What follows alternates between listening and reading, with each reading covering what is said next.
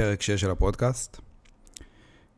ימים הזויים, נראה לי זה המשפט ששומעים פה הכי הרבה לאחרונה, ובאמת שקשה לתפוס את כל האירועים האלה, ורק נגמרה הקורונה, ועכשיו זה, ואנחנו... זה מרגיש שאנחנו תמיד נהיה סביב משהו כנראה. אבל אם יש שיעור שהקורונה לימדה אותנו, זה להתחיל להסתכל פנימה. כי כל כך הרבה שנים חיפשנו את המשמעות הזאת של החיים בחוץ, והקורונה חייבה אותנו להתכנס ולהתחיל להסתכל פנימה, ואני יודע שיש אנשים שנפגעו מהתקופה הזאת, בעיקר כלכלית, אבל אני מכיר גם הרבה אנשים ברמה האישית, חברים, שהקורונה ובכלל, כל השנה האחרונה העיפה אותם למקומות חדשים בחיים, וכשיש כל כך הרבה כאוס, זו הזדמנות להתחיל להסתכל פנימה, ובימים האחרונים יש כאוס והרבה. והרבה זמן רציתי לדבר על מדיטציה, ולא ידעתי כל כך איך לגשת לזה, אבל הבנתי שיש לי פלטפורמה, ומסתבר שיש הרבה אנשים שמקשיבים לפודקאסט הזה, ודווקא עכשיו, כשיש כל כך הרבה כאוס וחרדה באוויר, זו הזדמנות טובה לגעת גם בנושא הזה. ואני עושה מדיטציה כבר כמעט ארבע שנים, קבוע, כל יום. והאמת שגם אליי זה הגיע דרך פודקאסט, ואם בן אדם אחד יתחיל לעשות מדיטציה בעקבות הפרק הזה, אני מרגיש שעשיתי את שלי לגמרי, כי הדבר הזה הוא באמת משנה חיים. ואני רוצה, כי אני, לפני שאני אקח, לפני שאני אתחיל לגעת במסע שלי עם מדיטציה, אני רוצה להתחיל עם איזשהו נתון שאני רוצה לשים על השולחן, כדי שנוכל בכלל להתחיל להבין על מה כל הסיפור פה. כי לפי מחקרים, ואני שונא לדבר על מחקרים וסטטיסטיקות ומספרים, אבל לפי מחקרים, 47% מהזמן שאנחנו ערים, אנחנו נמצאים בתוך תופעה שנקראת נדידת מחשבות. עכשיו, נדידת מחשבות זו בעצם דרך יפה להגיד שאנחנו חושבים בלי שאנחנו יודעים שאנחנו חושבים. כשאנחנו אוכלים נגיד, או בזמן שאנחנו נוהגים, או מצחצחים שיניים, או כל דבר אחר שלא דורש ריכוז, הראש שלנו מתחיל להריץ את כל הדאגות של החיים. אני מספיק מוכן לפגישה מחר בבוקר, הייתי צריך לנשק אותה אתמול, למה לא נשקתי אותה? בעצם אולי זה טוב שלא נשקתי אותה, כמה זמן לא התקשרתי לסבתא שלי, כאילו יש חיים במאדים. המוח שלנו בסטרים בלתי פוסק של מחשבות. 47% מהזמן שאנחנו ערים, אנחנו בכלל לא נמצאים בהווה. אנחנו נמצאים בעבר או בעתיד, בראש שלנו. אבל זה בעצם אומר שאם נחיה עד גיל 100, כמעט 50 שנה מהחיים שלנו לא היינו נוכחים. עכשיו, העניין זה שבמקרה הטוב, זה פוגע לנו במצב רוח ובתחושת העושר הכי קטנה שלנו והשקט שלנו, ובמקרה הרע זה גם יכול להוביל לחרדות ולתסביכים ולדיכאונות אפילו, וזה מאוד תלוי גם בחוסן המנטלי, אבל בוא נגיד שהסטרים הזה הקבוע של המחשבות שאנחנו רצים איתו במהלך היום-יום שלנו, זה משהו שאנחנו לא מבינים כמה הוא פוגע בנו. ויש לבעיה הזאת, קודם כל, כאילו, אחרי שהבנו שיש פה איזושהי בעיה, יש לבעיה הזאת פתרון. ופתרון פשוט, האמת. אבל הפתרון עצמו יש בעיה. כי מאוד קל להבין אותו, אבל מאוד מאוד קשה לעשות אותו. ו... וזו בעיה. וזו הסיבה שאנשי המערב מנסים לעשות מדיטציה למשך איזה שבע דקות, במשך איזה ארבעה, חמישה ימים, כל יום בבוקר, לא מרגישים שהשתנו להם החיים והם מפסיקים. כי הם בטוחים שזה לא בשבילם.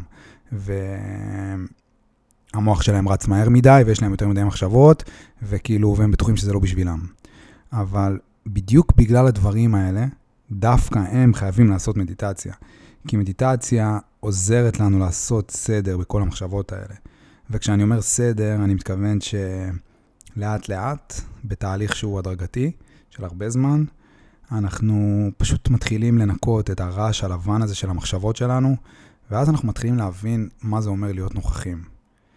ואז אנחנו גם מבינים מה זה אומר להיות ברגע, לחיות את הרגע, לא להיות תקועים במחשבות על העבר או במחשבות על העתיד, כדי שלא נצטרך להגיע לגיל 100 ולהבין שפספסנו 50 שנה מהחיים שלנו בלחשוב על הפגישה של מחר בבוקר. אז בעצם נוכחות, זאת המטרה, ביום-יום, כמה שיותר ממנה. כשאנחנו נוכחים, אנחנו חיים בהווה. והדוגמה הקיצונית היא סקס, כמובן. בסקס, אם הוא לא משעמם, כי סקס יכול להיות משעמם, אבל אם הוא לא משעמם, לא עובר לנו שום דבר בראש. יש לנו אפס מחשבות. אנחנו בנוכחות מלאה ברגע. כשאנחנו רואים סרט, נגיד, אה, מטורף, אנחנו נוכחים. כשאנחנו עושים משימה בעבודה, או לא בעבודה, אבל משימה שדורשת ריכוז, אנחנו נוכחים. כשאנחנו גולשים בים בזריחה, אנחנו נוכחים. כאילו, כשאנחנו עושים את הדברים שאנחנו אוהבים לעשות, אנחנו נוכחים. תשאלו מוזיקאים כמה מחשבות עוברות להם בראש כשהם מנהגים על פסנתר או על גיטרה. זה נקרא גם flow state, זה קורה לספורטאים, שהם נמצאים על המגרש ומרגישים בזון שלהם, וברגע הזה לא עוברת להם אף מחשבה בראש, הם פשוט על המגרש, נוכחים. אז אם המטרה של החיים היא נוכחות, אז מדיטציה היא כלי. כי ככל שנהיה יותר נוכחים, החיים שלנו יהיו יותר שקטים. כי בדרך כלל המחשבות שלנו נעות בין שיפוטיות וביקורת עצמית לבין דאגה. זה הספקטרום של המחשבות. זה או שאנחנו שופטים את עצמנו על דברים שעשינו בעבר, או שאנחנו דואגים וחרדים מדברים שיקרו בעתיד. ומדיטציה היא פשוט כלי שמלמד אותנו איך להבין את ההווה. ואצלי זה התחיל ב-2018. התחלתי לעשות מדיטציה ב-2018, אחרי ששמעתי על זה בפודקאסט של ג'ו רוגן. חברה מהלימודים תפסה אותי מחוץ לספרייה, והיא אמרה לי שהיא התחילה מדיטציה באפליקציה של אופרה ווינפרי ודיפק צ'ופרה בכלל. והיא התחילה והיא סבבה. אז הורדתי את האפליקציה, ובמשך שבועיים, כל בוקר עשיתי מדיטציה 20 דקות, ביחד עם האפליקציה. זו הייתה כאילו מדיטציה הדרכתית כזאת. ואחרי שבועיים רצוף, שכל בוקר לא ויתרתי, ועשיתי את זה כל פעם מחדש, למרות שלא ידעתי באמת מה התועלת של זה, ולא באמת ידעתי אם אני מבזבז זמן או לא מבזבז זמן. אבל פשוט המשכתי, ואחרי שבועיים קיבלתי כאפה. ואני לא צוחק שתוך שבועיים כבר אפשר להרגיש שינוי. פתאום התחלתי להרגיש שהמוח שלי צמא למידע. הפסקתי לשמוע גלגלצ בדרך ללימודים. פשוט שמתי כל מיני יוטיובים על פיזיקה ועל המפץ הגדול ועל פילוסופיה, ואני זוכר שכל שנייה פנויה שהייתה לי, פשוט הייתי שם אוזניות ומקשיב לפודקאסט אחר. זו הייתה תקופה כזאת שהמוח שלי פתאום הבין שהוא כנראה צמא למידע. והרגשתי שאני מתחיל לראות את המחשבות שלי. אני לא נכנס יותר לסטרים מחשבות הזה של 12 דקות בלי לדעת שאני חושב. כאילו, פתאום אני קולט שמגיעה מחשבה, אני רואה אותה, עוזב אותה וממשיך לקרוא ספר. ממשיך לראות סרט. כאילו, התחלתי לראות סרטים שכבר ראיתי פעם והבנתי אותם בצורה אחרת לגמרי. כי פתאום ראיתי אותם בצורה הרבה יותר נוכחת. ופתאום התחלתי להבין גם את הנוכחות הזאת שכולם מדברים עליה. ואני מדבר איתכם רק אחרי שבועיים של תרגול. אחרי בערך חצי שנה, שאשכרה גיליתי את עצמי מחדש ולא הפסקתי לדבר על מדיטציה עם כל האנשים שמכירים אותי, התחלתי להרגיש שאני רעב להמשיך להעמיק בזה. וכל היום קראתי ספרים על חוכמת המזרח ועל פילוסופיה של הבודהיזם, ועל זן ועל יפן, וראיתי הרצאות של סטיב ג'ובס מדבר על רוחניות בכלל, ועל LSD וחיבור פנימי, ומלא מלא אומנות, וגם התחלתי לעשות קעקועים בתקופה הזאת. כאילו, התחלתי אשכרה לעשות קעקועים שזה הבסיס שלהם. וככה זה השפיע עליי. ויום אחד שמעתי את הפודקאסט של סם אריס, והוא דיבר שם על ויפאסנה. שזה שם שכבר שמעתי, אבל תמיד חשבתי שזה סדנת שתיקה של אנשים הזויים, ולא באמת הבנתי כאילו מה זה אומר, אבל סם התחיל לדבר על, ה... על ריטריט של ויפאסנה, שאתה הולך לטבע לעשרה ימים, ואתה לא מדבר, ואתה מפקיד את הטלפון שלך, ואסור לכתוב ולקרוא, ובעצם אסור לעשות שם שום דבר, חוץ מלהיות שם עשרה ימים ולעשות מדיטציה במשך עשר וחצי שעות ביום. זה ריטריט של ויפאסנה. וזה הדליק אותי, כי זאת ההתעמקות שחשבתי שחיפשתי. ונכנסתי לאינטרנט ונרשמתי לריטריט ויפאסנה של עשרה ימים בקיבוץ דגניה, בית בכנרת, לעוד חצי שנה בכלל, כי גם יש שם רשימות המתנה מטורפות. ואני חושב שזה היה השלב הבא אצלי ב... בתרגול של המדיטציה. כי המשמעות בעצם של הדבר הזה, של ריטריט ויפאסנה, זה שאתה לוקח את עצמך לעשרה ימים, מתנתק מהעולם, מפקיד את הטלפון בקבלה, מקבל צימר בתוך יער בכלל בקיבוץ דגניה. אסור להביא ספרים, אסור לכתוב, אסור לדבר עם אף אחד, אסור להסתכל לאנשים בעיניים כשאתה, אסור לבקש מלח בארוחת בוקר. אלה החוקים סביב הריטריט הזה. המטרה זה לתת לך את הבמה להיות כמה שיותר מרוכז בעצמך ולהיות במקום שאתה לא יכול לברוח. ואין לאן לברוח, זה פשוט להיות 24/7 בתוך עצמך. ועל זה תוסיפו 10 וחצי שעות ביום מדיטציה. וזה הארדקור. והתחלנו את הדבר הזה 100 אנשים, וסיימנו אותו בערך 25 אנשים. כי אנשים פורשים, כי זה קשה. ואם פעם חשבתי שוויפאסנה זה משהו כזה של הזויים, שאנשים שלא כך מבינים מה קורה ומחפשים את עצמם וכל מיני דברים כאלה, אז היום אני יודע שזה... זה משהו שרק אנשים מאוד חזקים יכולים לעבור. כי כשאין לך לאן לברוח ואתה חייב להישאר על עצמך, אז מתחילים לקרות כל מיני דברים. ובאמת בשלושה הימים הראשונים של הריטריט, כל מה שהוא פחות רלוונטי, כל מה שהוא פחות משמעותי, כל הבולשיט של החיים עולה בימים האלה, ביומיים שלושה הראשונים. ולאט לאט מתחיל להתנקות. וביום השלישי והרביעי אתה מתחיל לקבל את הדברים שחשובים, את הדברים החשובים. שהדברים החשובים זה בדרך כלל דברים שקשורים למשפחה. ליחסים עם המשפחה וליחסים עם עצמך. וכשהדברים האלה עולים ואין לאן לברוח מהם, זה הופך להיות מאוד קשה. ובאמת עשיתי את זה והמשכתי שם לכל, ה... לכל הריטריט, לעשרה ימים, והרבה שואלים אותי מה, מה לקחתי מזה, גם שלחתי את אחותי שנה אחרי, שהיא גם הלכה ועשתה, שכנעתי אותה ללכת, והרבה שואלים אותי מה למדתי מהדבר הזה, או מה יצא לי מזה, או כל מיני דברים כאלה, כי זה באמת משהו שהוא קיצוני מאוד, וזה מכניס אותך לפרופורציות. כאילו, אתה פתאום קולט מה באמת חשוב בחיים. ו... וגם העמקתי עוד שלב אחד בתוך המדיטציה, ויש מצב שזה נתן לי את התנופה לעשות את זה עד היום, וכנראה לתמיד. ותכננתי לעשות בראשון לרביעי שנה שעברה, איך שהתחילה הקורונה, אה, עוד ויפאסנה ברג'סטן בהודו, אבל, וכבר הייתי מקורטס והכל, אבל uh, זה התבטל בגלל הקורונה.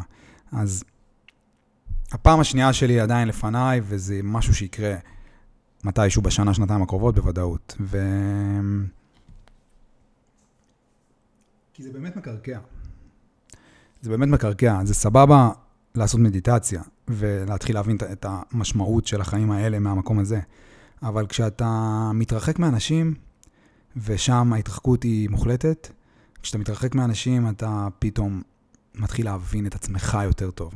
ו... כי אנשים כל הזמן אומרים לך מי אתה. פשוט ככה.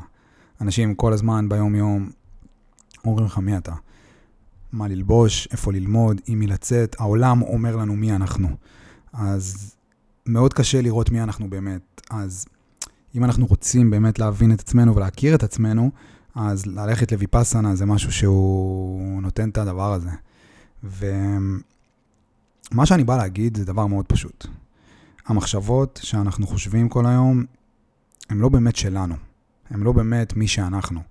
זה סך הכל זרמים חשמליים שעוברים לנו בתוך המוח, ובגלל שזה נשמע כאילו אנחנו מדברים עם עצמנו, אנחנו לוקחים עליהן בעלות, ובטוחים שזה מי שאנחנו. אז אם אנחנו חושבים מחשבות כועסות, ואנחנו לא יודעים איך לעצור אותן, אז פתאום אנחנו הופכים להיות האדם הכועס הזה, שאף אחד לא אוהב. והמחשבות האלה בסופו של דבר, למרות שהן לא מי שאנחנו, והן לא, והן לא שלנו, הם פשוט זרמים שעוברים לנו במוח, המחשבות האלה בסופו של דבר קובעות את איך שאנחנו פועלים בעולם, ואיך שאנשים תופסים אותנו בעולם, ואיך שאנחנו תופסים את עצמנו בעולם.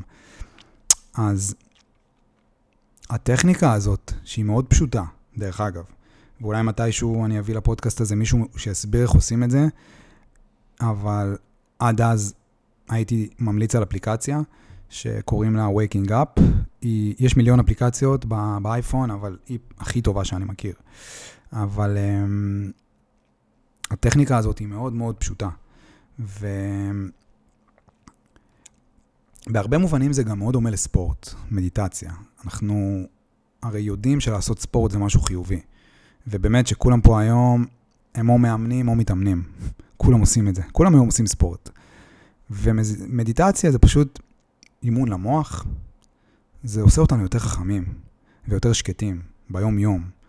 כי זה ברור הרי כבר שרוב הסבל שלנו בחיים נוצר מזה שאנחנו בסטרים בלתי פוסק של מחשבות. על שם, שם יושב הסבל שלנו, כאילו, השיפוטיות הזאת והחרדה הזאת שיושבת לנו בתוך הראש. אנחנו מספרים לעצמנו סיפור בתוך הראש, על כל מה שקורה לנו בחיים, על מה בדיוק קרה ועל כל מה שעומד לקרות. אנחנו כל היום מסתובבים עם סיפורים בתוך הראש שלנו, ואנחנו סובלים מזה. כל החרדות שלנו והחרטה והשיפוטיות, זה הכל סך הכל סטרים של מחשבות שאנחנו פשוט חיים איתו, ואנחנו גם בטוחים שזה גזירת גורל, ושאין דרך לטפל בזה. וכולם מחפשים את הרגע הזה שפשוט נהיה מאושרים. כולם פה רודפים אחרי העושר הזה, כאילו זה משהו שמגיע מבחוץ, ואפילו שאנחנו כבר מגיעים לזה, שכל הנסיבות מסתדרות, בוא נגיד שזה היום הולדת שלך, וכל החברים באים, ואתה בריא, ואתה מסודר, ואתה מתכנן את זה במשך חודש, וכולם מגיעים, ויש משקאות, והאוכל טעים, והמקום טוב, והכל סבבה. וחיכית לזה, ותכננת את זה לפרטי פרטים, וזה פתאום קורה. הנה זה הגיע. הרגע הזה של היום הולדת שלך, שכל החברים שלך הגיעו, זה קורה.